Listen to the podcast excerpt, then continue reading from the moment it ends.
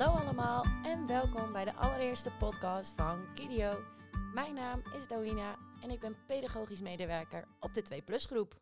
Hallo Doina. Hallo Rikste. Klopt, ik ben Rikste. En ik werk eigenlijk nog helemaal niet zo heel erg lang bij Kidio. Maar ik ben hier verantwoordelijk voor de marketing en communicatie. En tevens ben ik zwanger van mijn allereerste kindje. Woehoe, jee. Ja, super spannend. Dus ik denk dat deze podcast ook heel erg nuttig en informatief voor mij zal zijn. Want Doina, wat gaan we in deze podcast doen? En kan je iets meer vertellen over wat Kidio nou eigenlijk is? Nou, Kidio is een eh, groene kinderdagopvang en we hebben drie locaties in Groningen, Drachten en in Assen. En we dachten het is misschien wel leuk om mensen wat meer te gaan informeren over bepaalde onderwerpen. Oké, en eh, wat zijn die onderwerpen dan? Uh, nou, we gaan een aantal thema's behandelen. Onder andere bijvoorbeeld de feestdagen en de wintertijd uh, komt eraan. Dus daar willen we graag uh, wat meer informatie over hebben. En voor wie is die informatie dan? Um, ja, voor verschillende mensen eigenlijk. Voor ouders, voor aankomende ouders. Maar eigenlijk ook voor, ja, jee, voor jou. En misschien voor mensen die het gewoon interessant vinden en meer willen weten van Kidio. Oké, okay, en um, je noemt net een aantal onderwerpen die behandeld gaan worden. Um, ga jij die bespreken samen met mij of uh, komen er ook nog andere mensen langs? Nou, sowieso gaan we dat samen doen. En we gaan ook mensen uitnodigen. Uh, er komen professionals langs, maar ook ouders. En soms willen we ook kinderen aan het woord laten, uh, wat ze van Kidio vinden. Dus van alles en nog wat. Genoeg inhoud, super. Hey, vandaag hebben we ook een aantal mensen uitgenodigd. Um, hoe gaat de podcast van vandaag eruit zien? Voor vandaag hebben we Mike en Jeanette uitgenodigd. Zij zijn de oprichters van Kidio. Dus we gaan uh, hun het hemd van hun lijf vragen vandaag. Oké, okay, dus uh, we gaan meer te weten komen over Kidio vandaag. Uh, als een soort introductie op de serie van de podcast. En ik heb er zin in. Laten we gauw beginnen. Ik ook. Hallo, middag. Hallo, goedemiddag. Hallo. Welkom. Superleuk dat jullie er zijn. Mike, vertel iets over jezelf. Ik ben Mike, 32 jaar, woon in Groningen. Ik ben nu ongeveer zes jaar werkzaam bij Kirio. Uh, ik ben afgelopen jaren steeds meer uh, ja, taken op me gaan nemen. Ik ben verantwoordelijk voor de administratie, uh, automatisering, verbouwingen. Ehm, verbouwingen? Bob de Bouwer heb ik gehoord. Bob de Bouwer. Bob de Bouwer. Hoe zit dat, Mike? Nou, als ik hier rondloop, dan word ik voornamelijk door kinderen Bob de Bouwer genoemd. Want waar komt het vandaan? Ik zou het niet weten. Jij klust hier de hele boel bij dat elkaar. weet jij vast, Doine. Waar ja, dat vandaan komt. klust uh, de hele dag door. Uh, dan loopt ze weer met hout door de gang heen. En dan de kinderen, Bob de Bouwer. of niks, want dan zijn ze gewoon onder de indruk. Ja. Nou. Dat dus. dat, dat, dat is. Want Mike, hoe ben je bij uh, Kidio terechtgekomen? Hoe zit dat? Uh, ja, ik ben uh, de zoon van Jeanette. Ah, ah kijk. Dus dat is de relatie. Want Op die manier ben ik binnen Kidio werkzaam uh, geworden. En wie is Jeannette? Tja. Vertel het. Ja. Nou, mijn naam is uh, Jeannette Mensinga. Ik ben uh, 59 jaar. Moet ik er nu ook maar even bij zeggen, ja. denk ik. en ik uh, ben directeur van, uh, van Kidio, kinderdagverblijven. En uh, nou, sinds twintig jaar ongeveer. En nou, het eerste jaar denk ik van één kinderdagverblijf. En de, de paar jaren daarna hebben we uitgebreid met twee locaties. Dus nou, dat is nog steeds wat het is. En staat er ook meer aan te komen? Nou, we denken er wel eens over na. Hè. De vraag naar kinderopvang is op dit moment heel erg groot. En, en ja, wij horen van heel veel mensen uh, ja, dat zodra ze hier vertrekken, dat wij eigenlijk mee moeten vertrekken. Met name bij verhuizingen. Dus ja, wie weet. Ja, en ouders die vragen naar een BSO? Ook dat inderdaad. Ook dat, ook dat ja. ja. Is ook heel mooi. bij onze vestiging in Assen natuurlijk hebben we ook een buitenschoolse opvang. En dat, dat werkt heel goed, maar we hebben hier daar nog niet de geschikte ruimte voor gevonden. En er is inmiddels ook veel aan voorzieningen op scholen, dus het is niet een van de eerste dingen waar wij aan denken. Nee. Ja, want de gekte in de kinderopvang in het westen is natuurlijk enorm. Maar in Groningen merken we dat eigenlijk ook wel, hè? Dat het heel veel aanvragen zijn. Ja, ja in, in Groningen, nou, met name de afgelopen jaren ook, neemt de vraag heel erg toe. En nou, we merken ook dat we inmiddels weer wachtlijsten aan het creëren zijn. Dat is natuurlijk heel erg jammer, hè, want het liefst bieden we iedereen zo'n mooi plekje aan kinderopvang. Maar ja, helaas zijn daar ook grenzen aan. Dus ja. Toch uitbreiden. Bob de Bouwer. Nee, niet. Eerst de kwaliteit van de huidige vestigingen eh, verbeteren. En hoe ga je dat doen? Ehm, we zijn op dit moment bezig met een, uh, een, mooie verbouwing boven aan de Herenweg. Met een mooie yoga studio en een atelier. Dat is de bedoeling in ieder geval. Dus uh, ja, op die manier proberen we de kwaliteit te verbeteren. En extra mogelijkheden bieden voor de kinderen, extra ruimte creëren. En ja, wel een hele belangrijke. Veel bewegingsruimte vooral, hè? Ja, meer ruimte. Ja, we hebben ruimte voor de kinderen, ruimte voor het personeel, ruimte voor de ouders. Uh, we hebben een oudercommissie. Uh, maar voor het personeel vinden we het ook belangrijk ja, dat ze zich kunnen blijven ontwikkelen. Ja, dat klopt. We werken uh, met de visie van Ricardo Semler, waarin werkgeluk centraal staat. we proberen met ja, zo min mogelijk managementlagen te werken.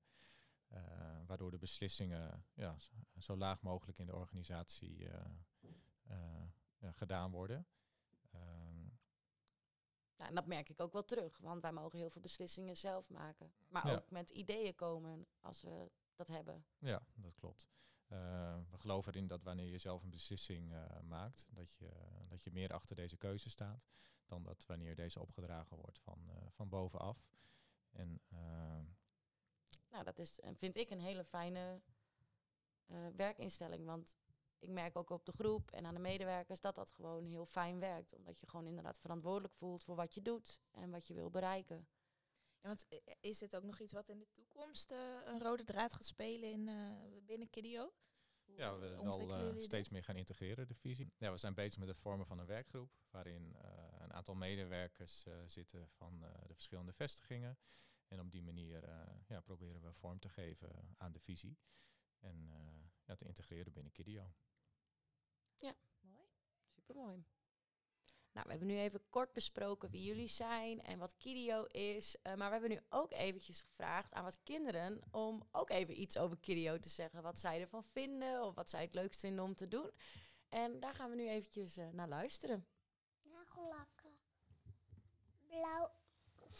Roze. Of soms allebei.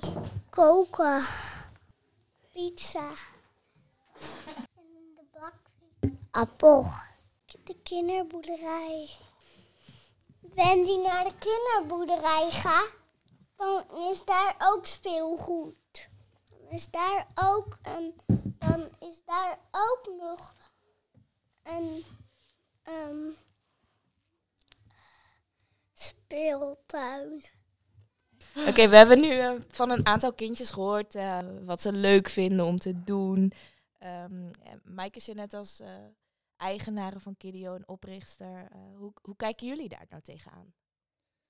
Nou, wij vinden het heel belangrijk om ehm, kinderen een tweede thuis te kunnen bieden. net zo goed als dat voor ouders heel belangrijk is, hè, dat een kindje zich veilig voelt in de thuissituatie, vinden wij dat ook heel erg belangrijk. Hè, dat wij het kinderen hier kunnen bieden dat staat voor ons voorop, een tweede thuis. Mooi. Zie jij dat ook terug op de groep, Dawina? Nou, ik merk wel dat we daar ook uh, met elkaar steeds meer naartoe groeien. Zo hebben we op de babygroep onlangs ook het dragen uh, toegepast. Dat, en dat voor de hechting het ook voor sommige kinderen heel belangrijk kan zijn dat je ze draagt, omdat ze daar rustig van worden. Dus daarin merk ik ook wel dat als ze thuis worden gedragen en de ouders dat zouden willen dat het hier ook kan, dan kan dat. Dus dat we steeds meer op de behoeften inspelen van de ouders ook. Van, oh, doe je dat thuis ook? Dan willen we dat hier ook graag toepassen en uh, aanbieden uh, voor de kinderen. Ja, precies. Dus heel veel in overleg met de ouders. Wat gebeurt er thuis en hoe kunnen wij dat hier als Kidio een verlengstuk uh, in maken? Ja. ja, dat klopt. Warmte en veiligheid zijn eigenlijk de belangrijkste aspecten daarin. Want is vanuit dat idee Kidio ook ontstaan en opgericht? Uh, nou, het was wel een heel belangrijk uh, uitgangspunt uh, uiteindelijk. Kidio is opgericht in het verleden in eerste instantie vanuit een behoefte aan het creëren van extra kindplaatsen in Nederland. Dat was ongeveer twintig jaar geleden. En ja, daar heeft Kidio ook een bijdrage aan kunnen leveren. Hè, dus dat was eigenlijk een hele praktische. Hè, maar als je iets praktisch in gaat vullen, en dan wil je dat ook wel heel graag nou ja, beleidsmatig natuurlijk goed neerzetten. En dat ehm, hebben wij op heel veel, heel veel manieren goed geprobeerd. Nou, volgens mij gaat het ook wel goed. Want uh, als ik me goed herinner, hadden we eerst ook hier één pand en hebben we nu twee. Dus we zijn ook als Kidio wel aan het groeien. Uh. Ja, dat klopt zeker. Uh, de eerste jaren, de eerste tien jaar hebben we met één pand gedaan, met ongeveer 50 kindplaatsen. Het tweede gedeelte hè, van ehm, het bestaan van Kidio nou, hebben we uitgebreid, ongeveer ook met 50 kindplaatsen. Ze zijn natuurlijk niet allemaal ingevuld, maar het grootste gedeelte wel. Er zijn een aantal... hebben we natuurlijk een vestiging in Assen en Drachten. Want Jeannette, je noemde net al even het beleid. En ehm, een stukje visie is natuurlijk belangrijk. Waar staat Kidio voor? Um, hoe zou je deze omschrijven? En hoe is deze tot stand gekomen? Um, wat bedoel je precies?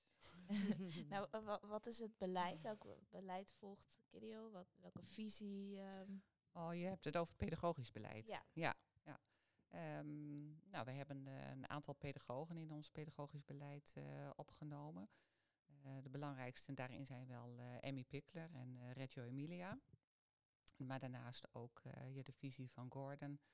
En we hebben wel ook al wat aspecten van naar Rudolf Steiner in ons beleid opgenomen. Dat zijn heel veel namen die ik nog niet ken. Kan je daar iets meer over vertellen? Waar, waar zij voor staan? hoe zegt dat uit? Ja, dat, eh, dat kan. Ik weet niet of ik alle vier uh, daarin uh, wil gaan noemen nu. Ik denk dat dat wat uh, veel wordt voor. En ze staan ook op de website. Voor deze eerste podcast. ja, ja, er is best heel veel informatie over beschikbaar. Um, ja, wat ik wel leuk vind om even um, te specificeren is ja, de visie van Emmy Pickler.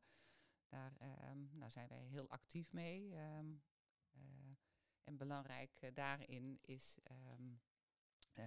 ja, eigenlijk een paar pijlers. De respectvolle verzorging en de vrije bewegingsruimte. Dat zijn twee aspecten die wij nou, op de werkvloer heel duidelijk doorvoeren. En dat nou, werkt heel mooi en rustgevend ook over het algemeen voor de kinderen. En veel ruimte. We bieden ze heel veel ruimte op die manier. Ja, met vallen en opstaan. Zelf uitproberen, zelf ontdekken, met kleren aantrekken, maar ook op het eigen tempo. Dus echt helemaal gericht op het kind zelf. Ja, want ik loop hier wel eens door de gang en dan kom ik een kindje tegen en die uh, is net zelfstandig naar de wc gegaan. Super knap natuurlijk. Maar dan zit zijn broek uh, zit andersom, is die aangetrokken. Hoe zit dat, Doina? Gebeurt regelmatig. ja, we stimuleren hier dus om ja, dat ze zelf ook kleren mogen aantrekken.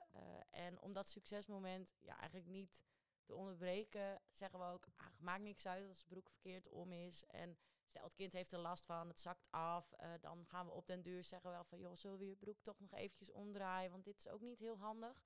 Maar op het moment zelf proberen we ja, dat eigenlijk niet te corrigeren, want dan heeft ze net zelf de broek aangedaan en dan zeggen wij, nee, dat heb je helemaal fout gedaan. Hij zit verkeerd om en ja, dat vinden we dan, ja, dat verpest het geluksmoment. Dus dan ja, laten want ze zijn super even, trots. Ja, daarom. Dan komen ze helemaal zo, kijk, ik heb het zelf gedaan. Maar en dat is dus ook echt uh, een, een bekende pijler van Emmy Pickler. Nou, het bevorderen van zelfstandigheid en dat uh, kinderen zich in uh, ja, zijn of haar eigen tempo kunnen ontwikkelen. Dat is een hele belangrijke inderdaad. En daar ja, passen dit soort, hè, voor ons grote mensen, foutjes ook in. Hè. Dus ja.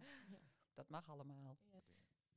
Hey Doine, jij vertelde mij laatst een hele leuke anekdote over het eten bij Kidio.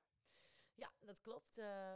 Eten is blijkbaar heel belangrijk, want er komen regelmatig ouders uh, met kinderen op de groep uh, die dan zeggen: Wat hebben jullie eigenlijk gisteren gedaan? Want ik vroeg uh, mijn kind wat je hebt gedaan de dag. En dan is vooral het eten heel belangrijk geweest, want voor de rest hebben ze dan niks gedaan behalve eten. Behalve eten. Dat is toch ook wel. Hoe zit dat je net? Want als ik hier door de gangen loop, dan ruikt het hier ook altijd zo lekker. En alles wordt volgens mij echt vers gemaakt. Ja, ja meeste dingen wel, uh, volgens mij. En uh, dat is wel iets waar we de afgelopen jaren heel uh, actief mee bezig zijn geweest. een paar jaar geleden hebben we een nieuw voedingsbeleid um, uitgeschreven, zeg maar, met hulp van iemand extern, een natuurgenees. Nou, natuurvoedingsdeskundige. Hele mond vol. Ja, ja heel ingewikkeld. Maar nou, wel heel, heel mooi en heel bazaal en ja, gezond voor alle kinderen uiteindelijk. belangrijk onderdeel daarin is eh, dat we overgestapt zijn op biologische voeding. Ja, eh, wel een stuk duurder eh, in principe, maar eh, wij vinden het toch heel belangrijk eh, om kinderen eh, ja, gezond eh, te voeden, hè, gezond op te voeden. En voeden heeft eh, een hele belangrijke invloed eh, daarop, ook op die gezonde opvoeding en op het gedrag van kinderen ook. Hè. Dus eh, ja, alle suikers en dergelijke proberen we natuurlijk zoveel mogelijk eh, te vermijden. Eh, ja, zoete drankjes niet meer, er wordt water gedronken door de kinderen. En eh, nou, dat merken we gewoon ook eh, in het gedrag van kinderen, dat het ook een positief effect heeft. Ja. En het is natuurlijk een heel actueel onderwerp, maar ik kan me ook voorstellen dat kinderen vaak niet heel happig zijn op het eten van heel veel groente en fruit. En eh, werkt dat wel, Dawina? Ja, we merken wel dat eh, nu we het echt helemaal aan het implementeren zijn, dat eh, het steeds beter wordt. In het begin dachten ze ook echt van, hé, gadverdamme, een, eh, een komkommer, een tomaatje tussen de middag op een brood, dat vonden ze allemaal maar niks. Maar we merken nu wel dat de kinderen het eigenlijk, hoe vaker ze het proberen, eh, ze het eigenlijk wel heel erg lekker vinden. En dat ze ook thuis nu ook vaak als tussendoortje een tomaatje krijgen of een paprika. En dat ze er soms ook zelfs om vragen, omdat we al vanaf de babygroep ja, de voeding daarmee bezig zijn. Dat ze er gewoon aan gewend raken en dat ze eigenlijk geen eh, koekje meer nodig hebben. Maar ook een paprika gewoon heel erg lekker vinden. En maar helpt het dan ook dat ze samen eten? Oh, dat ook absoluut. Want als de een eet, eh, dan eet de ander toch ook wel. Want ja, iedereen eet het. Dus dan proberen ze het ook wel. Thuis merken we ook wel eens eh, dat zeggen ouders, nou thuis krijg ik het echt niet voor elkaar om mijn paprika te laten eten of een bloemkoolsoepje. Maar hier drinkt of eet de persoon wel gewoon lekker mee. Ja, je hebt het over bloemkoolsoep. Eh, naast de verschillende fruit- en groentemomentjes eh, en het broodmoment bij de lunch is het volgens mij ook voor ouders mogelijk om een warme maaltijd af te nemen voor hun kind. Ja, dat klopt. Wat begon met, eh, nou, omdat op de babygroep begin, beginnen we al met warme maaltijden. En we merken nu dat dat ook wel doorgroeit naar ons toe. Eerst hadden we twintig broodeters en nu hebben we de helft warmeters en de helft brood. En soms zelfs meer warmeters dan broodeters. Dus daar zit ook wel echt een groei in. Want ouders kunnen ervoor kiezen om een eh, warme maaltijd voor hun eh, kind op te nemen. Ja, voor een klein bedrag eh, per maaltijd kunnen ze gewoon een warme maaltijd opnemen. En ook daarin merken we dat ouders thuis heel erg ja, de struggle hebben om warm eten te geven aan hun kinderen. En dat dan hier, omdat heel veel kinderen warm eten, dat het hier veel makkelijker is. Zijn er Dat ook, ze dus dan eh, beter eten. voordelen aan warme maaltijden in de middag dan in de avond? Of daar specifieke voorbeel- voordeel aan zit, kan, durf ik zo niet te zeggen. Maar eh, stel je voor dat ouders zeggen van nou, ik vind het fijn dat mijn kind een warme maaltijd krijgt bij Kidio. Zouden ze ook gewoon kunnen zeggen van nou thuis ook nog een keer warm eten, bij wijze Ja. van spreken. Ja. Schijnt nog gezonder te zijn dan eh, ja, die boterhammen tussen de middag. Dus eh, dat is echt wel iets eh oer-Hollands. Hè, wat wij zo gewend zijn en eh, waarvan we eigenlijk vinden dat het zo zou moeten horen. Maar ja, hoeft helemaal niet. Ja, het is jammer Heel dat we geen eh, geur kunnen toevoegen aan deze podcast. Want Nee, dat ruikt hier soms zo lekker. nou, Vandaag zijn er weer gezonde pannenkoekjes gemaakt, volgens mij. Ja, heerlijk. ruik. En extra. Dus, eh, Extra. en dan willen we bij deze ook afsluiten, onze allereerste podcast. Eh Jeanette, wil jij misschien nog wat laatste woorden eh, toepassen aan deze podcast?